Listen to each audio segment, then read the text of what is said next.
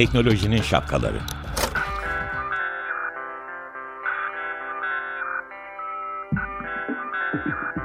Bilgi ve iletişim teknolojileriyle güvenli ilişki için Banu Zeytinoğlu, Murat Lostar, teknolojinin tüm renklerini, siyah, beyaz, mavi, kırmızı şapkalarını konuşuyor.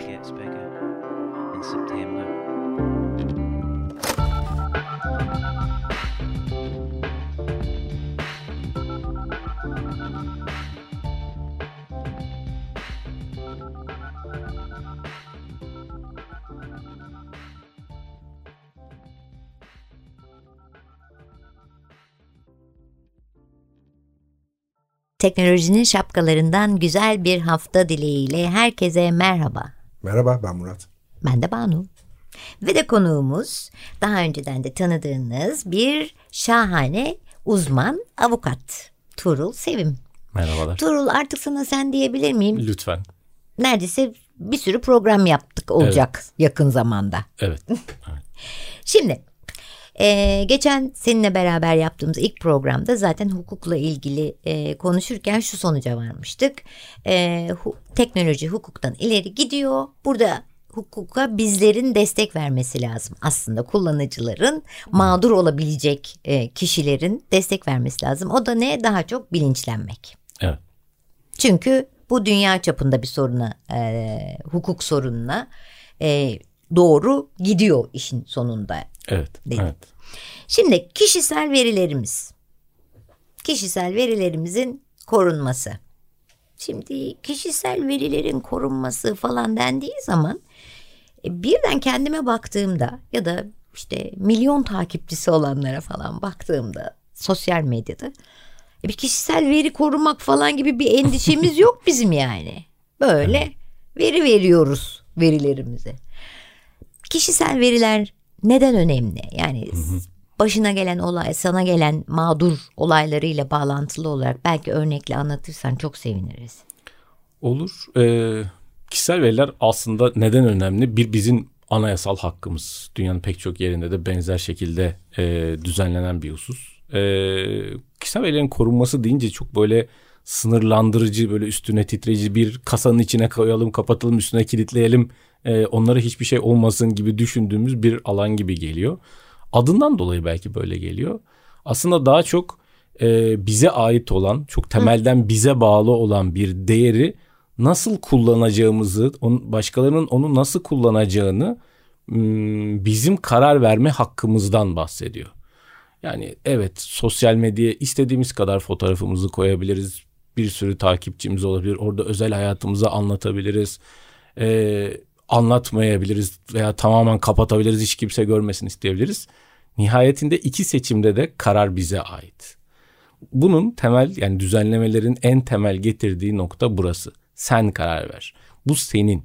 Mülkiyete çok benzeyen bir şeydir bu. Yani telefonum var. Bu telefonu kullanabilirim. Kullanmayabilirim. Üçüncü kişiye verebilirim. Kırıp atabilirim.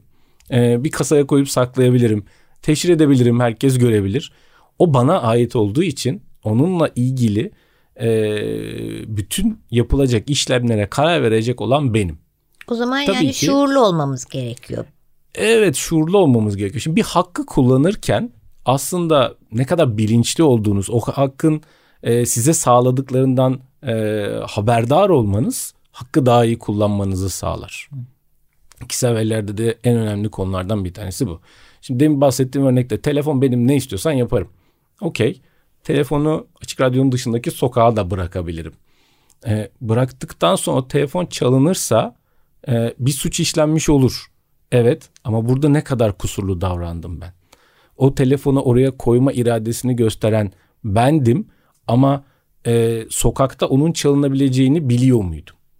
Öyle bir yerde büyüdüm ki ben asla hırsızlık yok. Öyle bir ülkede büyüdüm ki hırsızlığın olmadığı bir ülkede büyüdüm. Sonra İstanbul'a geldim ve aa telefonumu sokakta buldum ne olacak ki diye düşündüm. Sonra telefon çalındı. Aslında şöyle bir şey de yok mu? Mesela biz bir de misafirliğe gidiyoruz. Oradan bir sürü bir şey paylaşabiliyoruz. Ee, ve de o zaman ya benim bana misafirliğe gelen kişi benim evimden paylaşımlarda bulunarak benim kişisel veri koruma hakkımı da çiğnemiş oluyor benim şeylerime. Ya da telefon örneğinden koyduğun zaman belki orada Murat Dostlar'ın telefonu var.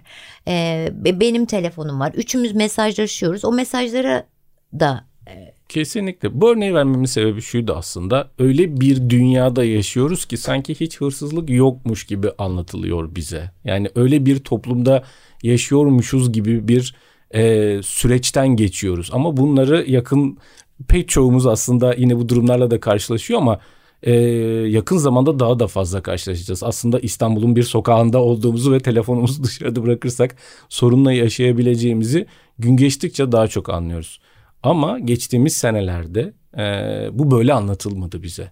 Ne kadar paylaşırsak, ne kadar e, paylaşımcı olursak o kadar daha iyi sosyalleşebileceğimiz, kendimizi daha iyi anlatabileceğimiz, ifade edebileceğimiz anlaşıldı, e, anlatıldı.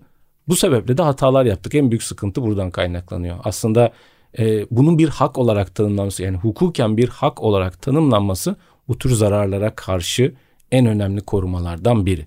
Böyle bir hak tanımlanmış olmasaydı ortalıkta bir karmaşa olacaktı. Ben bu verilerimi paylaştım. Özellikle de internette işte platformlara koydum, belli bir şirkete verdim, size verdim, demin verdiğiniz örnekte gibi misafirliğe gittik, orada fotoğraflar çektik. Yapabilir miydik bunları? Buna kim karar verecekti?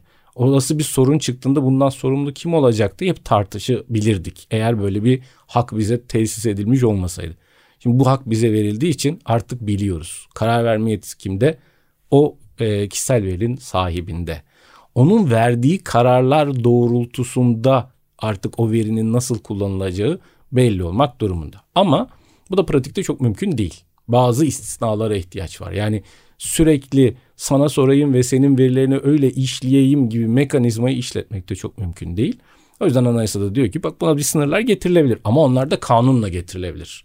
Yani koskoca meclisten geçecek onlar oturacaklar düşünecekler onun sınırları çizilecek ki ondan sonra senin bu kullanmana ilişkin belirli istisnalar sınırlar olabilir e, şeklinde bir düzenleme var. Pratikte de öyle oluyor. E, ama oradaki çok önemli hususlardan biri yani bütün kişisel verilerle ilgili düzenlemelerdeki en önemli husus budur. Sizin onayınız dışında bilgilendirme yükümlülüğü vardır. Verinizle ilgili ne yapılacağını önceden size söylemek zorundalar verinizi alanlar. E, bunu pratikte uygulamasında sorunlar yaşayabiliyoruz. Yine E-ticarette mesela. Mesela. Bankada mesela. Bankada, e-ticarette, ya sosyal anlatacak platform. olursak sizin çünkü çok içinde olduğunuz bir konu nerede korunacak, kim koruyacak falan diye. Biz nereye veriyoruz ki akla gelmeyebilir. Çok doğru. Ee, mesela işte bankaya gittiniz aynen bankada hesap açacaksınız işte işlemler yapacaksınız. Siz öyle düşünüyorsunuz. Yani bankada hesap açıp e, para transferi yapmak istiyorsunuz. Para transferi yapacaksınız. Onun için işte size bir IBAN numarası veriyorlar. Adınızı, soyadınızı, adresinizi alıyorlar. Bunlar için yapıldığını düşünüyorsunuz. Oysa ki arka tarafta pek çok veri işleme faaliyeti var. Bankaların hukuki yükümlülükleri sebebiyle almak zorunda oldukları veriler var. Bankalar ama aynı zamanda size pazarlama da yapmak istiyorlar. Çünkü bir ürün aldınız aslında çok işinize yarayacak başka bir şey de çıkabilir. Onu da size söylemek istiyorlar. Peki orada bana diyor ki ben senin kişisel verilerini koruyorum diyor. Hı hı. Peki bir şey oldu ve ne yapacağım ben? Yani sana ne diyeceğim sen benim haklarımı korumadın. Hı hı. E, nereye başvuracağım böyle bir durum olduğunda. Bir de bir nokta daha var. E, kurye geliyor e-ticaret yapıyorum. Kurye geliyor biz bu şey e, kendi kimlik kimlik neyimizi TC kimlik, TC kimlik numaramızı herkese veri veriyoruz. Hı hı. Ben oradan sesleniyorum bu kurye geldi şeyin geldi diye ben de söylüyorum. Şimdi de söylermişim mesela şuursuzca. E, yani... Yanımda oturuyorsun Balcığım. Bite, bitemez diye numara merak etme. Müdahale ederdi evet.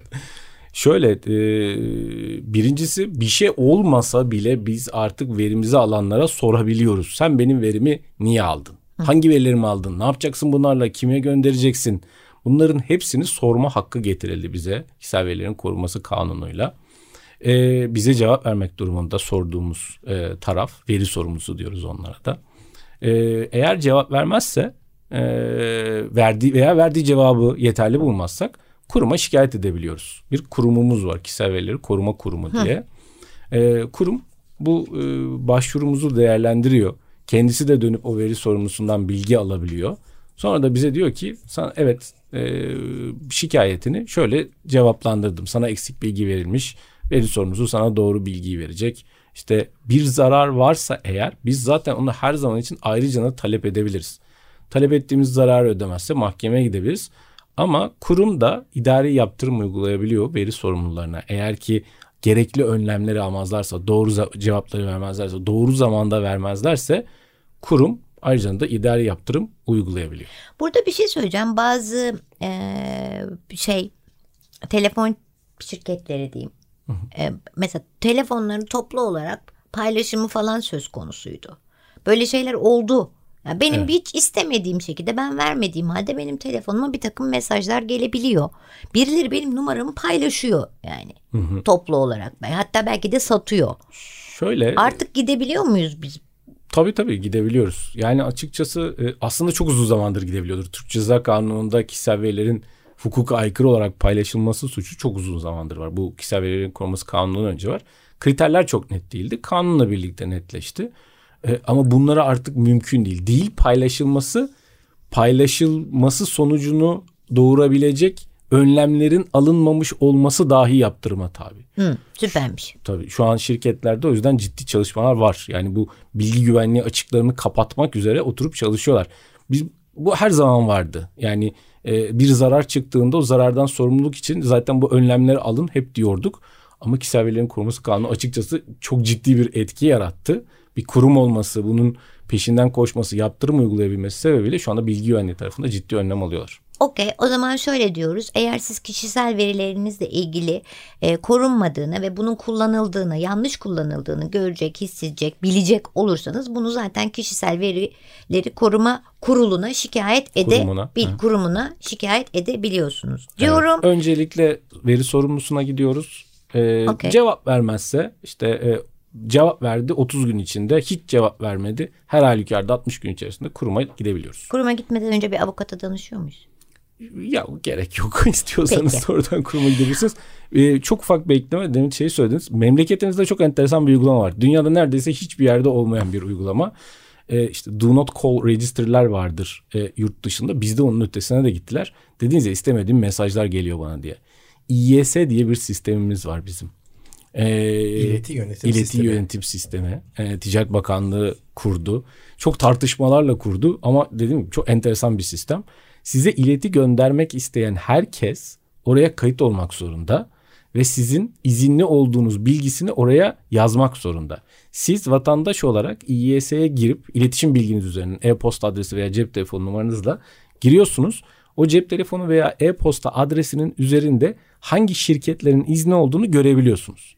Hatta onları kaldırabiliyorsunuz da oradan. Ya bu müthiş bir haber verdin. Ha. Ama o zaman şu e, şa, şa, şey parçamızı dinleyelim. Ondan evet. sonra bunu ve TC kimlik numarasını devam edeceğim. Muratcığım istersen sen de sesini biraz duyurabilirsin. La. e, Murat Lostar seçti. R.E.M'den Losing My Religion. Evet R.E.M'den Losing My Religion'ı dinledik. Konuğumuz e, avukat Tuğrul Sevim. Ya sadece avukat deyince içime sinmiyor da yani bilişim, bilişim konusunda avukat. uzman e, bilir kişi avukat. E, en son e, parçaya girmeden önce e, şöyle bir şey söylemiştin sen. İYS hı hı. E, İYS'ye girip kendi telefon numaramızı bulduğumuz ya da e-mail adresimizi bulduğumuz takdirde e, bulmanıza da gerek yok. Giriyorsunuz. Orada bir arayüz var. Yazıyorsunuz cep telefon numaranızı. Telefon numarana bir kod geliyor. Onu arayüze giriyorsunuz ki sizin siz olduğunuzu anlıyor. Sonra arayüzde o telefon numarasına verilmiş izinler çıkıyor. Fark etmemiş olabilirsiniz. Bir şey satın alırken bir şey onay basmışsınızdır, SMS'le vermişsinizdir. Çok eskiden kalan artık yani e, kanuna uygun olunmayan ama yine de e, bir şekilde alınmış onayları da e, kaydetmelerine izin vermişlerdi. O yüzden bütün izinler orada. Bugün e, İYS'de onaylı gözükmeyen bir numaraya operatörler SMS atmıyorlar. Bunlara şeyler dahil değil tabii işte yurt dışından gelen böyle hmm. kaçak, kumar işte falan falan bana da çok geliyor. SMS'ler olabiliyor. Bir şekilde Kıbrıs'a gittiyseniz gelen SMS'ler olabiliyor. Bunları engellemek mümkün değil ama çok ciddi sayıda e, şeyi azalttı. Ya Tuğrul hani sen bana söyledin ya e, Lostar Aa, yapmadın mı sen diye böyle bakıyorsun. E, siz yapacaksınız da biz işte onun için bu programı yapıyoruz. Ben de yapmadım tabii ki. Onun için ben size sorular soruyorum. İYS .org.tr'ye giriyorsunuz Evet. ve buradan size SMS kimler gönderiyor, kimler mail atıyor, e, işte ne bileyim mağazalar onlar bunlar markalar atıyor onları hemen silebiliyorsunuz. Biz ne yapıyoruz biliyor musunuz? Tek tek engelliyoruz.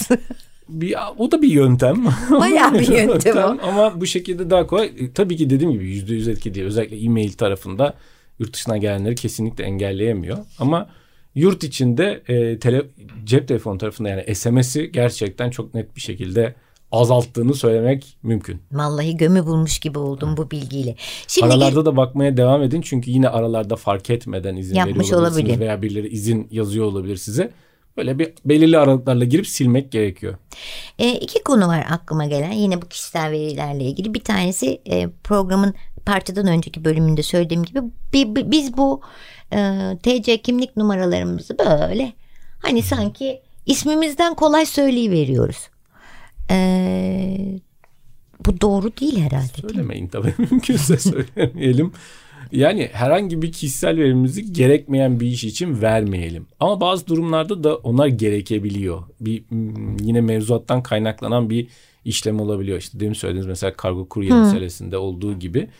Ee, bazı veri sorumluları bunları almak zorundalar. Kendi kanunlarından kaynaklanan yükümlülükler de var. Mesela bankaya gittiğinizde hesap açtığınızda fo- kimliğinizin fotokopisini alırlar. E, normal ama ben kuryeye veriyorum ya veriyorum da verirken de ben bir şüphe ediyorum yani niye TC kimlik numaramı veriyorum her yere ver, bir şekilde veriliyor diye onu sormak istiyorum ne kadar önemli dostlar Ben şey söyleyeceğim hani bir deneme. Şimdi resmi cevabı biraz sonra Tuğrul verir ama ben genellikle unuttum, bilmiyorum, yanımda değil, e, cep telefonu kullanmıyorum gibi şeyler söylüyorum. Yüzde doksanın üstünde pek o zaman deyip işimi hallediyorlar. Ama mesela ben bankaya gittim, TC kimlik numaramı unuttum, kimliğim yanımda değil bana ba- hesap açın dersem açarlar mı? O da işte yüzde ona giriyor. Açmazlar ama Açmazlar. kurye yapabilir peki TC kimlik numarasını Mükemmel bir vermenin test bence bu arada. riskleri ne? Ben de bundan sonra yapacağım harika Siz harika yapın. bir yöntem. birden Yani herkes bizi dinleyen unutacak TC kimlik numarasını şimdi aslında mevzuata göre bu veri sorunlarının oturup düşünmesi gerekiyor. Benim işime yaramayan bir veriyi ben almayayım diye. Kanunun getirdiği en önemli özelliklerden biri bu. O işinize yaramayacak veriyi doğrudan e, ölçek e, gerekli olduğunu kanıtlayamadığınız veriyi hiç almamanız gerekiyor. Ama pratik öyle işlemiyor. Pratik öyle işlemediği için de çok gereksiz verileri biz veriyor olabiliyoruz. Bizden istiyor olabiliyorlar.